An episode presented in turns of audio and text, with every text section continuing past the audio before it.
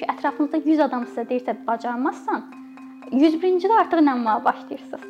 Və bu bacarmazsanlar çox vaxt uzaqlardan yox. Çox insan elə bilir ki, yolda kimsə qabağını saxlayıb deyir, sən əlisən, sən zəlisən, filan şeyi bacarmazsan.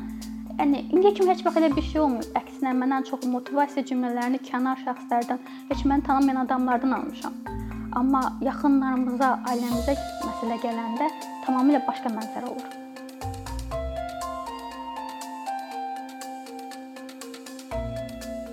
Düşünürəm ki, hə, bəzi mövzularda çox danışırlar, çox fikirlər irəli sürürlər, lakin bunların çox az bir hissəsi yenə əlli olan şəxslərdən gəlir. Bu da əlbəttə ki, nəyi azaldır? Obyektivliyi azaldır, daha çox subyektiv, kənar şəxslərin fikri kimi dəyərləndirmək olar. Məsələn, mən öz həyatımı dəyərləndirsəm, mən özüm ə, orta təhsilliyəm hazırda və rayon yerində evdə fərdi təhsil almışam. Hə demək olar ki, yaxşı, mən müəyyən dərslər keçmişəm, mənim attestatım var, müəyyən biliklərə malikəm, lakin mən nədən məhrum olmuşam? Əlbəttə ki, sosial həyatdan. Bu da o qədər vacib bir şeydir ki, xüsusilə də gənc bir insan üçün, yeniyetmə uşaq üçün. Düşünün, sizin 16 yaşınız var və 16 yaşınıza qədər öz həmyaşıdlarınızla bir mühitdə olmağınız baş verməyib. Yəni olub bəlkə də qohum, qardaş, bir-iki uşaq bu nə qədər insana belə sosial qabiliyyət qazandıra bilər ki, nə qədər fərqli insanlarla ünsiyyətdə olmağı öyrənə bilərsən. Mənim həyatımdakı o ən böyük əksiklik də hər zaman bu olub. Çünki mən ilk dəfə kimləsə ünsiyyət qurmağı, bir dostluğu başlatmağı 16 yaşımda öyrənməyə başlamışam. Məncə bu olduqca gec bir yaşdır. Bu hə təkcə mənə təsir eləmir, mənim ətrafımdakı insanlar da təsir eləyir. Çünki nə qədər desəm ki, o yaxşı, mən indi çox sosial insanam, çox aktiv insanam. O boşluq, o uşaqlıqda olan boşluq bəzən özünü göstərir.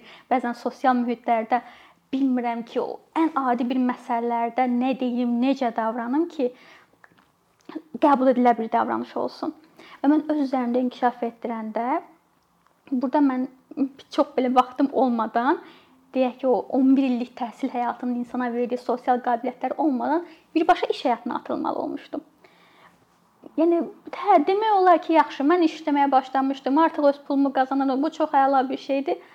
Amma o boşluq qalmağa davam edirdi və mənim yetkin kimi həyatıma da təsir edirdi. İstər belə romantik münasibətlərdə olsun, istər dostluq, istər iş münasibətlərimdə bir çox əlli olan şəxslər özüm də daxil olmaqla orta təhsillidir. Və bundan daha böyük bir əksəriyyəti heç tam orta təhsilə belə malik deyil. Burada hə tam deyə bilər ki, yaxşı, bu dövlətin günahıdır, müəyyən təhsil sistemi yoxdur, məcburiyyət yoxdur. Amma burada bir də sosial tərəfi var ki, yenə cəmiyyətin, valideynin daha kiçik deyək, dövlətin üstünə düşür. Valideynin özü belə bəzən əli olan övladının təhsil almasına maraqlı deyil. Bu demək deyil, onu sevmir ya da ki, qayğısına qalmır. Bu sadəcə onun üçün bir gələcək görmür. Məsələn, hazırda bizim evdə mənim ailəmlə ən aktual problemim nədir? Mən ə, biraz daha yaxın gələcəkdə xarici ölkələrdə təhsil almağı düşünürəm. Azərbaycanda ali təhsil aldıqdan sonra magistr səviyyəsində və anam bu an mənim ən böyük arzularımdan biri məni bu fikrimdən daşındırmaqdır. Bu demək deyil ki, anam mənim üçün yaxşı bir gələcək düşünmür ya da mənə inanmır. Çünki qorxur. Çünki onun ətrafında indiyə kimi təhsil almış, xüsusilə də xarici təhsil almış 50 olan şəxs yoxdur. Bu barədə bir təsəvvürü yoxdur. Valideynlərimizdə olan, daha kiçik cəmiyyətdə olan bu qorxular əli olan şəxsləri çox geridə saxlayan bir şeydir. Çünki ətrafınızda 100 adam sizə deyirsə bacarmazsan, 101-cidə artıq inanmağa başlayırsınız. Və bu çox dəhşətli bir şeydir. Mən ətrafımda bunu çox görürəm, çox müşahidə edirəm. Və bu bacarmazsanlar çox vaxt uzaqlardan yox. Çox insan elə bilir ki, yolda kimsə qabağını saxlayıb deyir, sən əlisən, sən zəlisən, filan şeyə bacarmazsan yəni indiyə kimi heç vaxt elə bir şey olmayıb. Əksinə mən ən çox motivasiya cümlələrini kənar şəxslərdən, heç məni tanımayan adamlardan almışam. Amma yaxınlarımıza, ailəmizə məsələ gələndə tamamilə başqa mənzərə olur. Bu da bununla da mübarizə aparmağın ən böyük problemi odur ki, biz heç vaxt bunu bir pislik kimi, bir mənfi münasibət kimi qiymətləndirə bilmirik. Çünki onların niyyəti heç vaxt bizə pislik eləmək olmur. Bir növ bizi qorumaq olur. Amma bu qorumaq nə qədər faydalıdır? Bu da artıq başqa bir sualdır. Və mən də öz şəxsi həyatımda bu qorumalarla çox mübarizə aparmalı olmuşam. Dostlarım olsun, ailə üzvlərim olsun, hətta məktəb həyatımda belə bir şey olmuşdu ki, bunu danışım. Mən orta təhsil, ibtidai təhsildən orta təhsilə keçəndə, 5-ci sinifə keçəndə mənim bütün rubrik qiymətlərim 5 idi. Bu bildiyiniz kimi bir müəllim tərəfindən yazılır Və bu zaman təhsil şöbəsindən belə bir irad gəlmişdi ki, necə əlli olan bir uşağın bütün qiymətləri 5 ola bilər, bu ola bilməz və məni sınağa çağırmışdılar deyək ki. O sınaq zamanı mən çox hazırlaşmışdım. Yəni bir 10 yaşlı bir uşağın hazırlaşa biləcəyi qədər, yəni vurma cədvəlini əzbərləmək, bütün əvvəlki dərslərin hamısını öyrənmək, oxumaq və o möhtəşəm sınaq zamanı mənə yalnız bir sual verilmişdi ki, 7 üstə gəl 8 neçə eləyir? Yəni bu həyatda məni yaralayan bir şeydir. Çünki mən bu yaşıma qədər hər zaman öz intellektual səviyyəm haqqında müəyyən şübhələrim olub.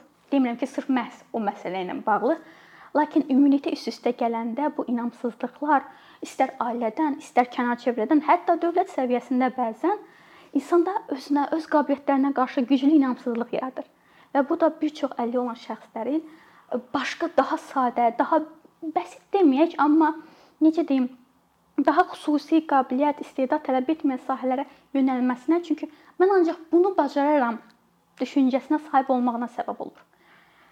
Mən bundan çox mübarizə aparmışam, çünki uşaqlığım vaxtı anam mən biraz ali qabiliyyətim var idi. Rəssamlığa yönləndirmək istirdi. Mən şiddətlə etiraz edirdim. Heç bir şəkildə heç bəzən rəsm dərslərində dərs çəkmirdim belə. Çünki o illərdir televiziyada gördüyüm 50 olan şəxslərin filan qabiliyyəti, möhtəşəm bacarıqlı başqa 50 olan şəxs, qeyri-adi istedada malik başqa 50 olan şəxs kadrlarında mən çox nadir hallarda əsl istedadlar görürdüm. Orda əksər hallarda sadəcə ümumi sadə qabiliyyətlər idi ki, cəmiyyətin gözündə bu 50 olan şəxsin edə biləcəyi ən böyük iş olduğuna görə möhtəşəm işlər kimi təqdim olunurdu və bu da məndə artıq bir kompleks yaradırdı öz qabiliyyətimə qarşı ki, bəlkə də məni də elə qiymətləndirirlər. Mən niyə o qiymətləndirmə kateqoriyasında olum? Niyə adi bir işim böyük bir şey kimi təqdim edilsin? Niyə öz inkişafdan məhrum qalım? Və indi də görürəm ki, hələ də o tendensiya davam etməkdədir. İstər rəsmi qurumlarda, istər QHT-lərdə belə bir tendensiya var ki, əlli olan şəxslər durmadan əl qabiliyyətlərinə, əl işlərinə yönləndirirlər. Əlbəttə demirəm ki, pis şeydir. Yox, hər kəsin müəyyən istedadı ola bilər və bunun yaxşı toxumaq və ya rəsm çəkmək bacarığı olmağı heç də başqa bacarıqlardan az deyil. Amma bu yeganə bacarıq kimi təqdim ediləndə ya da ki, real qabiliyyət şişirdiləndə bu artıq ancaq zərərə çevrilir. Bir başqa bir qədim bir söz var, ya balığa üzməyi öyrədə bilərsiniz, amma balıqdan qaçmağı tələb edə bilməzsiniz.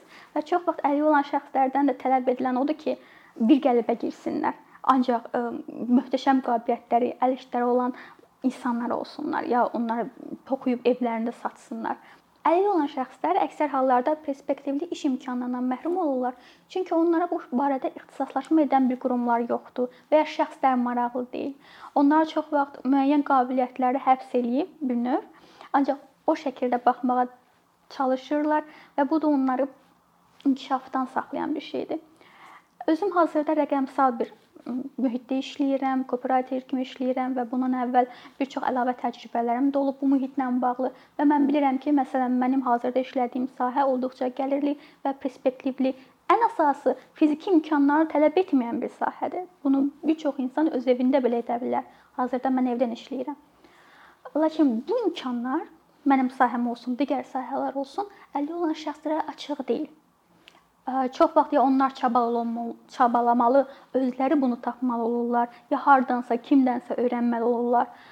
Amma bunları daha açıq etmək və digər perspektivli işləri həm əlli olan şəxsən həyat səviyyəsini artıra bilər, həm də ki, cəmiyyətə inteqrasiyanı sürətləndirə bilər. Əslində dediyim o nümayişkaranəlik, yəni ki, əlli olan şəxsləri hər hansı bir kiçik qabiliyyətinə görə insanlara təqdim etmək Cəmiyyətdə bəzən başqa bir tərəf oyadır və mənim heç sevmədiyim tərəf bu da qəhrəmanlıq kompleksidir. Bir çox şəxslər, birbaşa şəxslər deyirəm ya da qurumlar, hətta qeyri-hökumət qurumları bəzən əlli olan şəxslər üçün gördükləri işləri qəhrəmanlıq, hədiyyə, mərhəmət obyekti kimi təqdim edirlər. Bu əlbəttə ki, birbaşa kimə zərər vurur? Əlli olan şəxslərin özünə. Həm mənəvi olaraq özləri haqqında düşüncələri dəyişir, pis mənada, həmçinin cəmiyyətdə əlilliyi olan şəxslər barəsində yanlış düşüncələr yaradır.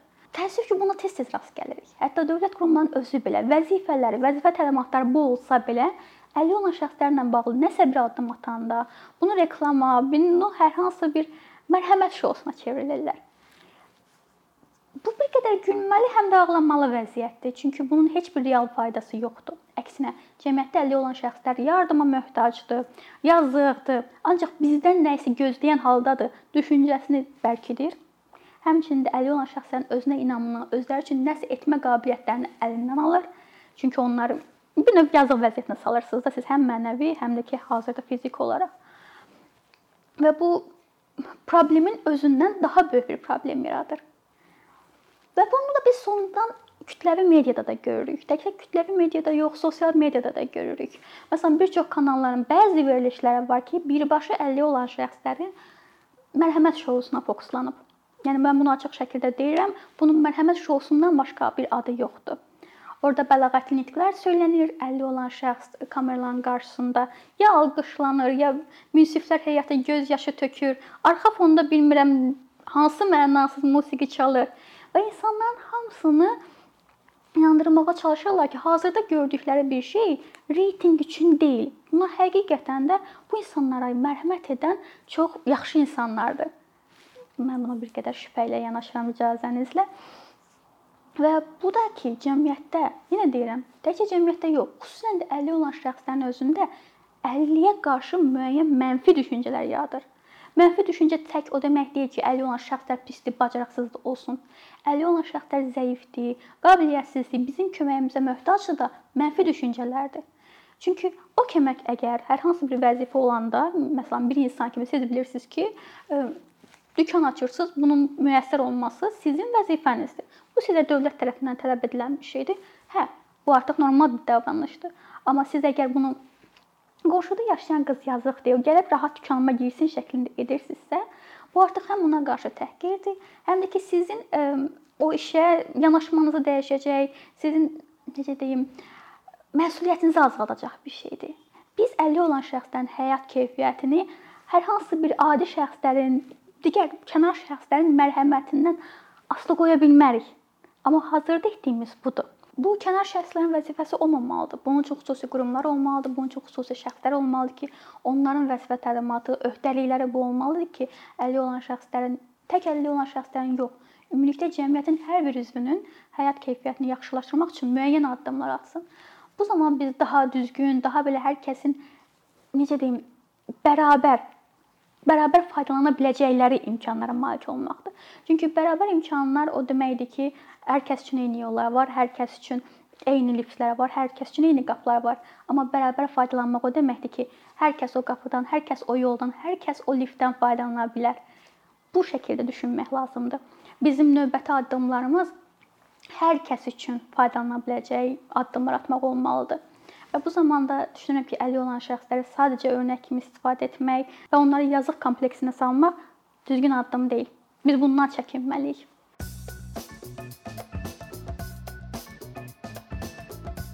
Bir neçə ildir ki, əkinçi olaraq Azərbaycanlı izləyicilərin hər zaman faydalana biləcəyi keyfiyyətli və ən əsas ödənişsiz kontent hazırlamağa çalışırıq. İndiyədək təqdim etdiyimiz onlarla animasiya və yüzlərlə çəkilişlər tələbələrin, mütəxəssislərin, müəllimlərin və ümumiyyətlə yeni mövzulardan xəbərdar olmaq istəyən çox sayda insanın marağına səbəb olub.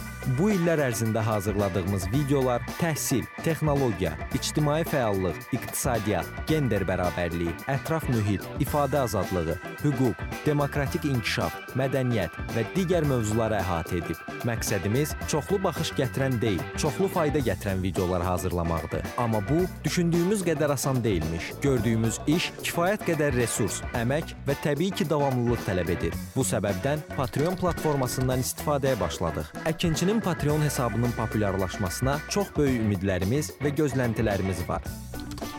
Bəziləriniz Patreon haqqında ilk dəfə eşidirsiniz. Əslində çox sadə izahı olan bir platformadır. Təsəvvür edin ki, siz rəssam və ya musiqiçisiz. Sosial şəbəkələrdə sizi izləyən, işinizi bəyənən çox sayda insan var. Patreon platforması sizə imkan verir ki, izləyicilərinizin könüllü aylıq ödənişləri sayəsində işinizi davam etdirəsiz. Sərgi, konsert zallarından asılı qalmayasınız. Amma bu təkcə rəssam və musiqiçilərə aid deyil. Məsələn, əkinçiyə bənzər fəaliyyətlə məşğul olan bəzi layihələrin 10 minlərlə patronu var. Biz də düşündük ki, nə üçün əkinçinin Patreon hesabı olmasın? Sizin dəstəyiniz sayəsində sayəsində biz daha çox və daha keyfiyyətli kontent yaratmağa davam edə biləcəyik. Amma bu dəstək yalnız maddi dəstək deyil. Dəstəkçilərimizin sayının artması gördüyümüz işlərin faydalı olduğuna dair əminlik verir. Patreon platformasından istifadə çox sadədir. Hesabınızı açırsınız, sizə uyğun dəstək növünü seçirsiniz və Patreon özü hər ayın ilk günü kartınızdan seçdiyiniz dəstək növünə uyğun ödəniş tutur. Bu qədər. Sonda onu demək istəyirik ki, dəstəkçilərin sırasına qoşulmaq istəyən, amma məhdud imkana görə bunu edə bilməyənlər narahat olmasın. Daha öncə dediyimiz kimi, bizim əsas məqsədimiz daha çox insanın hər zaman faydalana biləcəyi keyfiyyətli və ödənişsiz kontentin yaradılmasıdır. Bunun üçün mütləq patronumuz olmalısınız deyə məcburiyyət yoxdur. Amma imkanınız patron olmağa çatırsa və bizim işimizi bəyənirsinizsə, patronlarımızın sırasına qoşulmağınız bizim üçün çox önəmlidir.